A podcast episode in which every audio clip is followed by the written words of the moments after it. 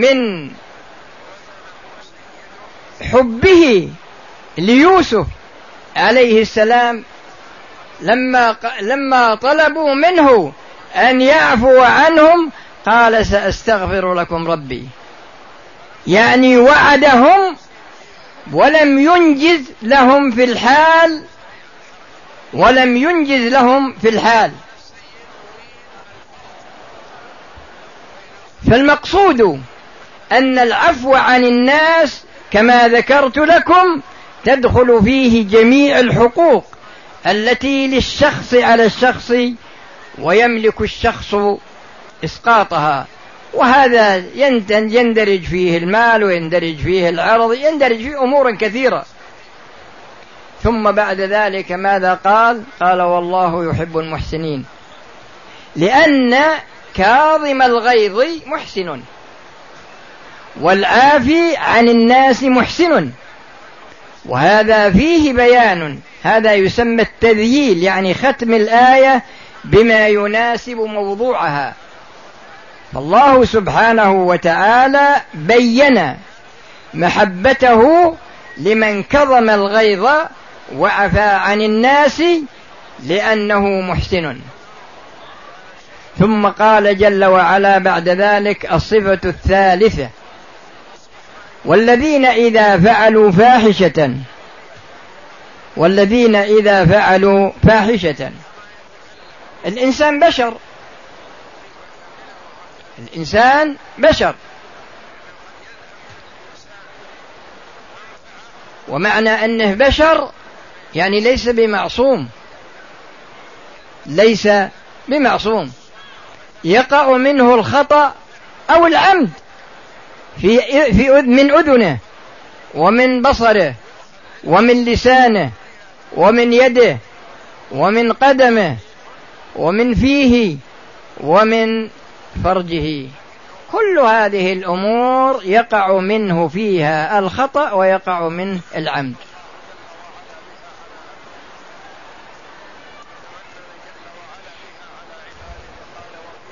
وقد مثلا يكون الأذى هذا ليس متعديا. بمعنى أنه يكون قاصر على الشخص يعني يظلم نفسه ولهذا قال أو ظلموا أنفسهم. والذين إذا فعلوا فاحشة أو ظلموا أنفسهم. يعني حصل منه خروج عن الطريق المستقيم سواء كان هذا الخروج قاصرا عليه أو كان هذا الخروج متعديا إلى غيره. لكن إذا كان متعديا إلى غيره فإذا كان من جهة الله جل وعلا فهذا إذا تاب منه فالله سبحانه وتعالى يقول قل يا عبادي الذين أسرفوا على أنفسهم لا تقنطوا من رحمة الله إن الله يغفر الذنوب جميعا إنه هو الغفور الرحيم. والله جل وعلا أرحم بك من نفسك. الله جل وعلا أرحم بك من نفسك. فعندما يحصل منك خروج عن هذا الطريق فسارع إلى ما ذكره الله والذين إذا فعلوا فاحشة أو ظلموا أنفسهم ذكروا الله فاستغفروا لذنوبهم. ذكروا الله يعني أنك تذكر عظمة الله وتذكر قدرة الله عليك. جاء عابد من جاء رجل إلى عابد من العباد فقال له عظني.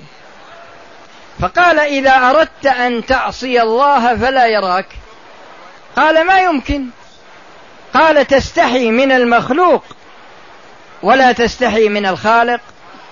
يعني إنك تحصن نفسك في غرفة وتغلق الأبواب ما يراك أحد من الناس لكن الله يراك.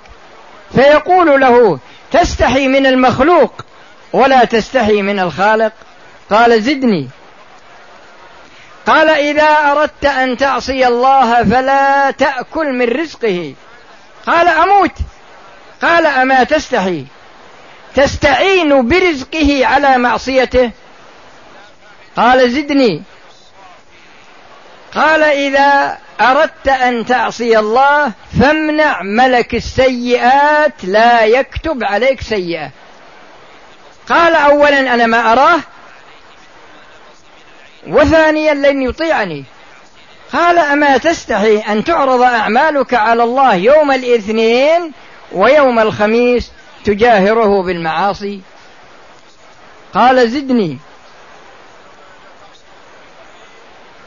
قال له إذا جاءك ملك الموت لقبض روحك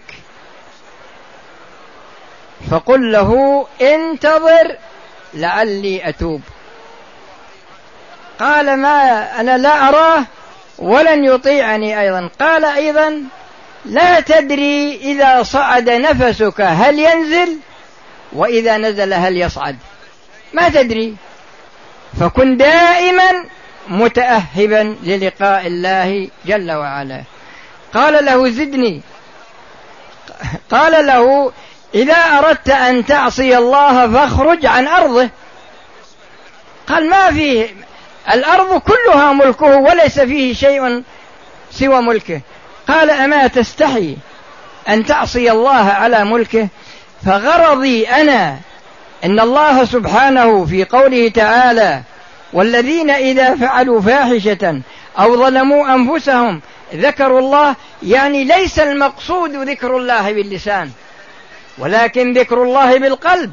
ولهذا يقول بعض السلف إذا عصيت الله فلا تنظر إلى من عصيت فلا تنظر إلى المعصية ولكن انظر إلى من عصيت.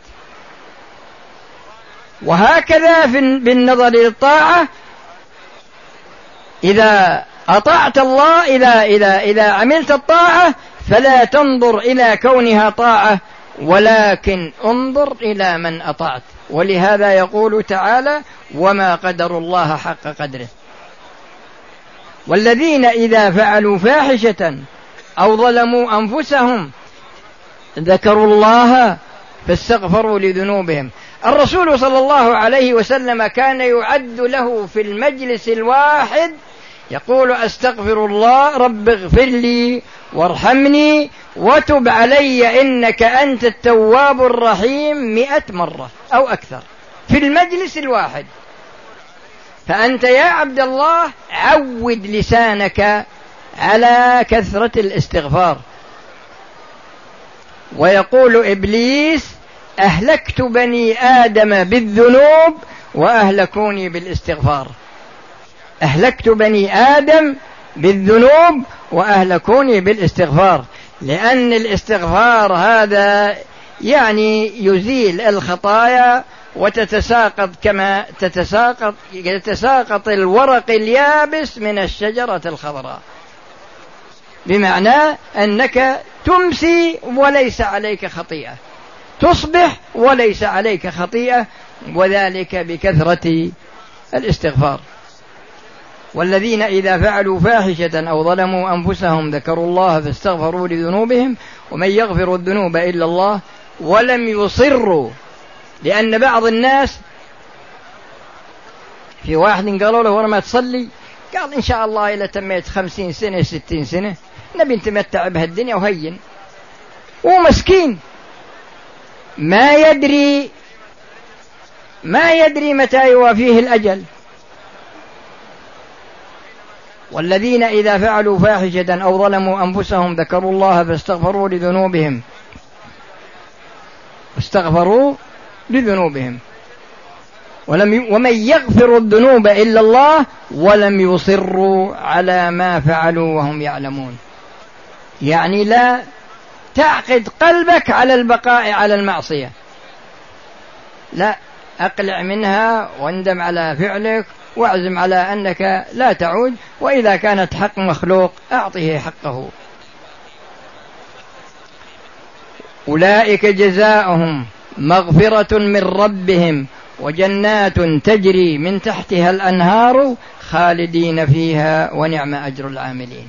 هذه هي النتيجة لمن اتصف بهذه الصفات وهذه الصفات كل واحد مخاطب منا لأن قوله وسارعوا هذه الآية من وقت نزولها إلى أن تقوم الساعة. ما يخرج عنها واحد من المكلفين من بني آدم لا يهودي ولا نصراني ولا مجوسي كلهم مخاطبون بها. لماذا؟ لأن الله جل وعلا قال تبارك الذي نزل الفرقان على عبده ليكون للعالمين نذيرا. ويقول صلى الله عليه وسلم ما من ما من يهودي ولا نصراني يسمع بي ثم لا يؤمن بي إلا دخل النار. ما من يهودي ولا نصراني سمع بي أو يسمع بي ولم يؤمن بي إلا أدخله الله النار أو إلا دخل النار. بمعنى أن هذه الشريعة شريعة عامة كما قال جل وعلا وما أرسلناك إلا كافة للناس بشيرا ونذيرا. ويقول صلى الله عليه وسلم لما رأى ورقة في يد عمر بن الخطاب من التوراة قال أفي شك أنت يا ابن الخطاب؟ لو كان موسى حيا لما وسعه إلا اتباعي. ومعلوم أن عيسى ابن مريم عليه الصلاة والسلام ينزل في آخر الزمان ويحكم بشريعة الرسول صلى الله عليه وسلم. فهو من أولي العزم من جهة وهو من أمة محمد من جهة أخرى بالنظر إلى أنه يحكم بشريعته في آخر الزمان. فأنت يا عبد الله في زمن الإمكان. لا بد أن تقف وأن تحاسب نفسك فيما مضى من حياتك. وباب التوبة مفتوح لكل أحد. قل يا عبادي الذين أسرفوا على أنفسهم لا تقنطوا من رحمة الله. إن الله يغفر الذنوب جميعا. وفي سورة الأنفال يقول الله تعالى قل للذين كفروا إن ينتهوا يغفر لهم ما قد سلف. يعني ينادي الكفار يقول أسلموا حسناتكم التي عملتموها. في حال الكفر أنا أجازيكم عليها وسيئاتكم التي عملتها عملتموها في في دار الكفر أنا أغفرها لكم. ما بعد هذا شيء؟ فباب التوبة مفتوح. وأنت يا عبد الله مأمور أن تحاسب نفسك كل يوم. يقول عمر رضي الله عنه حاسبوا أنفسكم قبل أن تحاسبوا وزنوها قبل أن توزنوا وتأهبوا للعرض الأكبر. يومئذ تعرضون على الله حفاة عراة غرلا يعني كما ولدتهم أمهاتهم. فلا بد أن تتنبه لنفسك. هذه كلمة على هذا الوجه أسأل الله بأسمائه الحسنى وبصفاته العلى وباسمه الطيب الطاهر الذي إذا دعي به أجاب وإذا سئل به أعطاه أن يجعل اجتماعنا هذا اجتماعا مرحوما وتفرقنا تفرقا معصوما وألا يجعل فينا ولا منا شقيا ولا محروما وأن يتوفانا مسلمين ويحشرنا مع الذين أنعم الله عليهم من النبيين والصديقين والشهداء والصالحين وأن يصلحنا ويصلح لنا ويصلح بنا. إنه ولي ذلك والع... وأنه ولي ذلك والقادر عليه. وأن يحسن عاقبتنا في الأمور كلها. والحمد لله رب العالمين. وصلى الله وسلم على نبينا محمد وعلى آله وأصحابه أجمعين. وفي الليلة القادمة إن شاء الله مثل هذه الليلة أتكلم لكم على وجه آخر. والآن نجيب على ما قدم من أسئلة.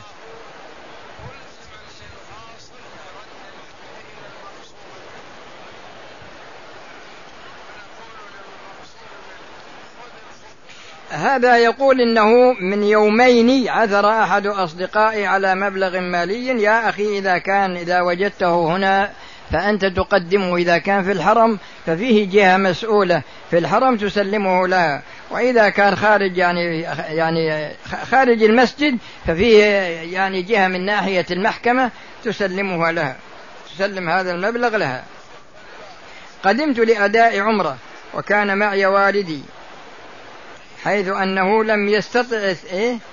التجرد من المخيط أثناء الإحرام وذلك لكبر سنه ومرضه فقام بأداء عمرته بملابسه فماذا عليه؟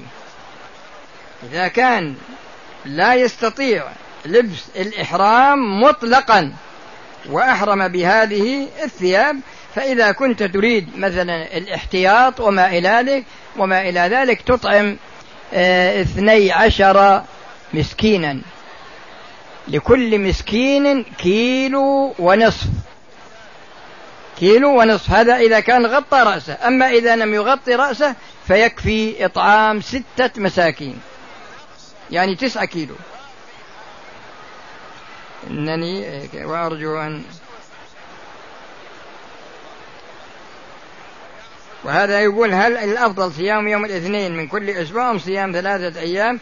إذا صمت ثلاثة أيام من كل شهر فهي تعادل صيام الدهر لأن الحسنة بعشر أمثالها فصيام يوم يعادل عشرة أيام وصيام ثلاثة أيام تعادل شهر. إذا وجد شخص آثارا.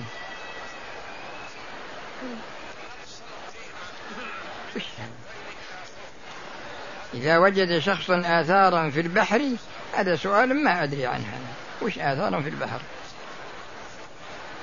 شخص يذبح لغير الله ويدعو غير الله وشيخ طريقته صوفي. و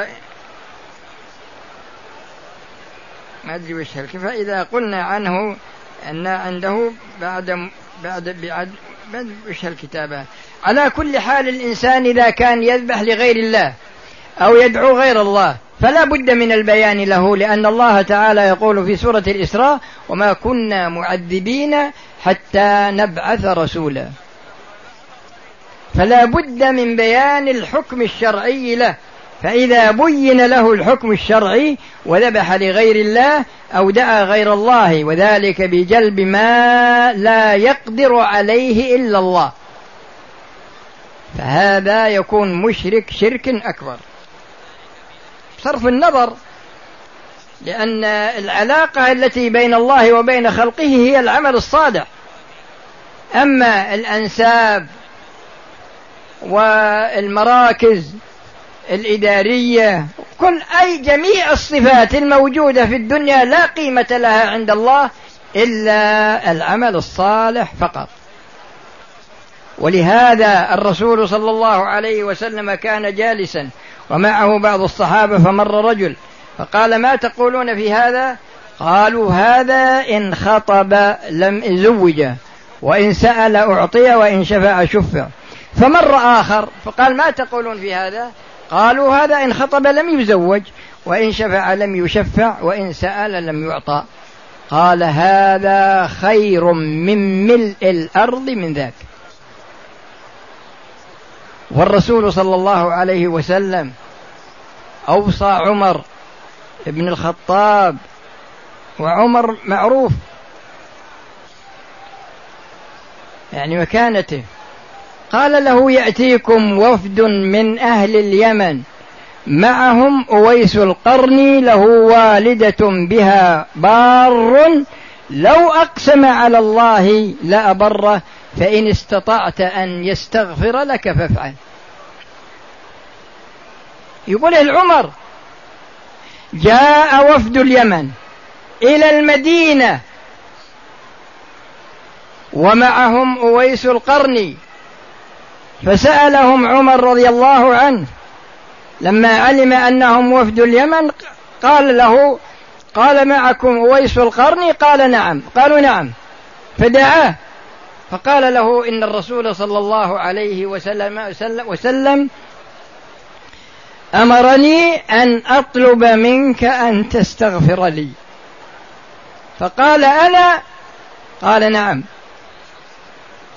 فاستغفر له. فغرضي أنا هو أن الإنسان لا بد أن يتنبه لنفسه. وهذا يقول رجل جامع زوجته وقد انقطع عنه الدم هو ولا هي؟ هو يقول وقد انقطع عنه. عنها طيب. وقد انقطع عنها الدم بعد الحيض. المرأة في الفترة التي بعد انقطاع الحيض وقبل الغسل لا يجوز للرجل أن يجامعها. لا يجوز له أن يجامعها إلا بعد الاغتسال. فإذا جامع فعليه الكفارة.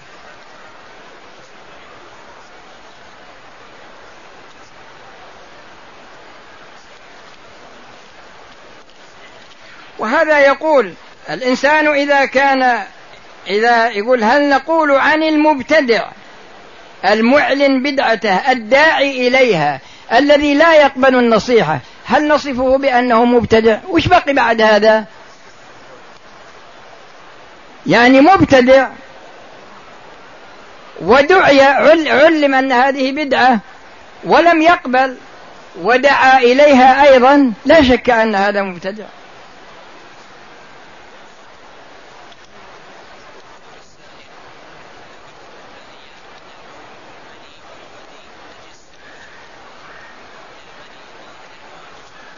يوجد عندنا أرض وقف لمسجد قديم بحيث أن المسجد هذا لا تعقد فيه صلوات الجماعة. يا أخي هذا تراجع فيه جهة الأوقاف في بلدكم. ما تسأل عنه هنا لأنك يمكن أنك تبي لك كلمة تبني عليها وتقول في ذمة من أفتاني. وهذا يقول هل يجوز للمرأة أن تلبس العبات على الكتف؟ لا لا يجوز. الرسول صلى الله عليه وسلم يقول لعن الله المرأة تلبس لبسة الرجل ولعن الله الرجل يلبس لبسة المرأة.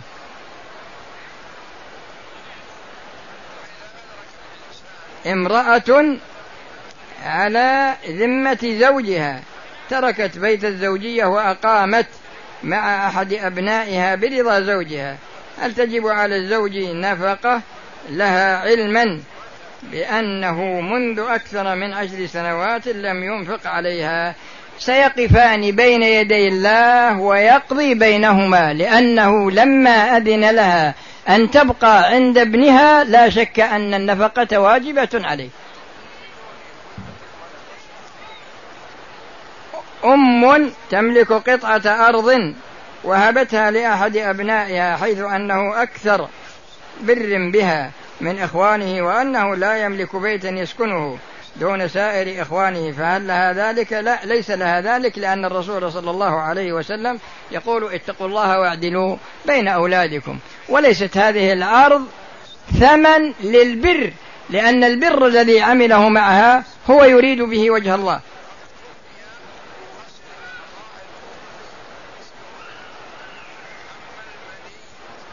أجرت لشخص محلا تجاريا لبيع مواد الزينة والعطور. بس والله يا أخي ما أعرف أنا مواد الزينة هذه. والعطور النسائية إضافة لمواد أخرى مباحة بعد ذلك. إذا كانت كلمة مباحة مقيدة في الجميع فهذا ما في إشكال. علمت أن بيع هذه المواد للمتبرجات غير جائز شرعا وعلمت بها على كل حال إذا علمت أنه يبيع في هذا المحل أمور محرمة لا يجوز لك أن تؤجره لأن هذا من التعاون على الإثم والعدوان. وهذا يقول هل تجوز صلاة الجنازة والميت ليس أمام الإمام؟ إذا إذا كان على كل حال إذا كان قدام المصلين في في في كفاية. هل تجوز الصلاة بالقفازين للرجال؟ يعني الرجال اللي بيلبس قفازين إذا كان إنه يبي يلبسهم من أجل الحاجة ما في شيء. صلي بهم هل لأهل مكة عمرة أم يكفيهم؟ إن طافوا أجروا على الطواف وإن أخذوا عمرة أجروا على العمرة. لكن لكن يخرجوا إلى الحل ما يحرم من بيته. هل هل الدعاء في, في الوتر الدعاء يكون إن, إن, إن, إن, إن دعوت قبل الركوع أو دعوت بعد الركوع. لا يعني بعد الرفع من الركوع. أيهما أفضل؟ الطواف حول الكعبة أم السماء لا. إذا إذا كان الخطيء إذا كان الإمام يخطب الجمعة اجلس واستمع. كثيرا ما نرى أن الإمام يقف مقابل باب وش عليك من الإمام؟ الله يهديك. وش هذا جئنا عمرة وزوجتي غير طاهرة وأديت العمرة وبعدما طهرت حصل مني ما يخل العمرة وعندنا وأدت العمرة. إذا كانت المرأة بعد ما طهرت يعني أحرمت أنت وياها وأديت العمرة أنت وهي لا زالت وهي باقية على إحرامها بسبب الحيض ولما طهرت من الحيض جامعتها قبل أن تطوف وتسعى. فقد أفسدت عمرتها وعليها المضي في هذه العمرة والخروج إلى الميقات الذي أحرمت منه لهذه العمرة والإحرام بعمرة أخرى قضاء عنها وعليها فدية الجماع شاة تذبح في مكة وتوزع على فقراء الحرم. لقد تزوجت بامرأة قريبة لي بعد أن ارتكبت معها الفاحشة. الزنا جهلا مني جهلا منك في الزنا. وش هالكلام هذا فيه؟ لقد ندمنا أشد الندم بعد أن تخطينا مرحلة الشباب وتبنا إلى الله توبة نصوحا في حياتنا ولا نزال نكثر من تلك نكفر عن تلك الم... على كل حال هذا أمر بينك وبين الله. هذا أمر بينك وبين الله لكن إذا منه عقد لك عليها بعد ما تحقق من خلوها من الحمل منك بالزنا. ولا التائب من الذنب كمن لا ذنب له. سمعنا أن المكان وش هذا؟ وش عليك من هذا؟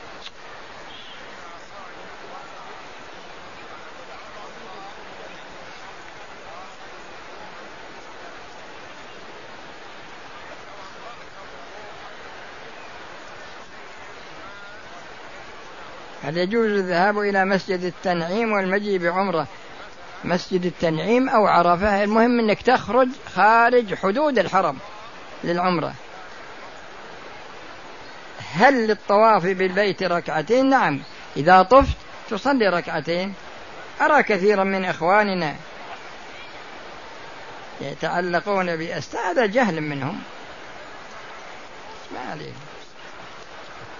هل يجوز أن إيش؟ أن أن أن يعتمر لوالدته؟ أن يعتمر ببعض من المبلغ علما بأن ولده مريض يعاني من مرض مزمن. إذا كان إن الولد ما كبير يعني بالغ إذا كان إن تبي مثلا تبي تعتمر عنه أنت أو تكلف من يعتمر عنه لأنه عاجز ما في مانع. هل هناك مانع شرعي يمنع من لا ما في يا أخي مانع من من الحجاب. لكن ضعف النساء من جهة وضعف أولياء الأمور أولياء أمور النساء. وهذا يقول أنا مديون بمال لورثة والدي وقد طال جميع وقد طال جمع هذا الورث حتى تمكنت من جمعه بعد عشر سنوات فهل علي زكاة في هذا الإرث؟ عليه الزكاة عليهم هم لأن المال مالهم هم وعليهم زكاته وليست عليك أنت. جئت للعمرة وما أدري وش هالكلام وصليت ركعتين بعد الطواف وذهبت للسعي وفي الشوط الثالث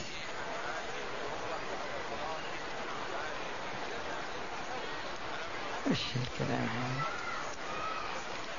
هل يجوز تربية آه، الطيور داخل إذا أحسنت إليها؟ ما في مانع لكن أخشى أن تسيء إليها. لا هذا صاحب السؤال هذا الذي حصل عليه خلل في السعي أشوفه أنا بعد الصلاة إن شاء الله.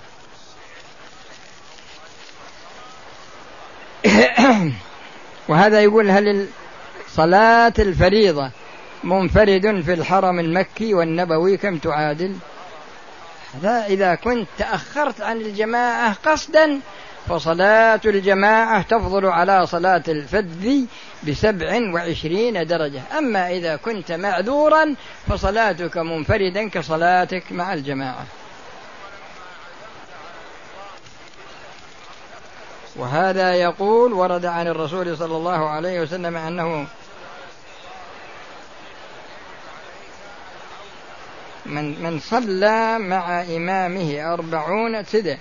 أنه قال من صلى أربعون يوما مع إمامه آه، فله كتب الله له براءة من النار وبراءة من النفاق. هذا كلام صحيح لكن لكن لا ليس معنى هذا لو كان هذا الشخص مقيم على المعاصي من لم تنهه صلاته عن الفحشاء والمنكر لم تزده من الله إلا بعدا. فيمكن أنه يطلع من المسجد يروح يشرب خمر ويقول أنا أبصلي أربعين يوم حتى يكتب الله لي براءة من النفاق. ويطلع من المسجد يروح يعمل الزنا ولا يعمل اللواط وما إلى ذلك. فلا بد من لا بد من التنبه إلى أن أحاديث الوعد وأحاديث الوعيد مقيدة بتوفر آه، بتوفر يعني وجود الأركان ووجود الشروط وانتفاء الموانع. أنا شاب ملتزم.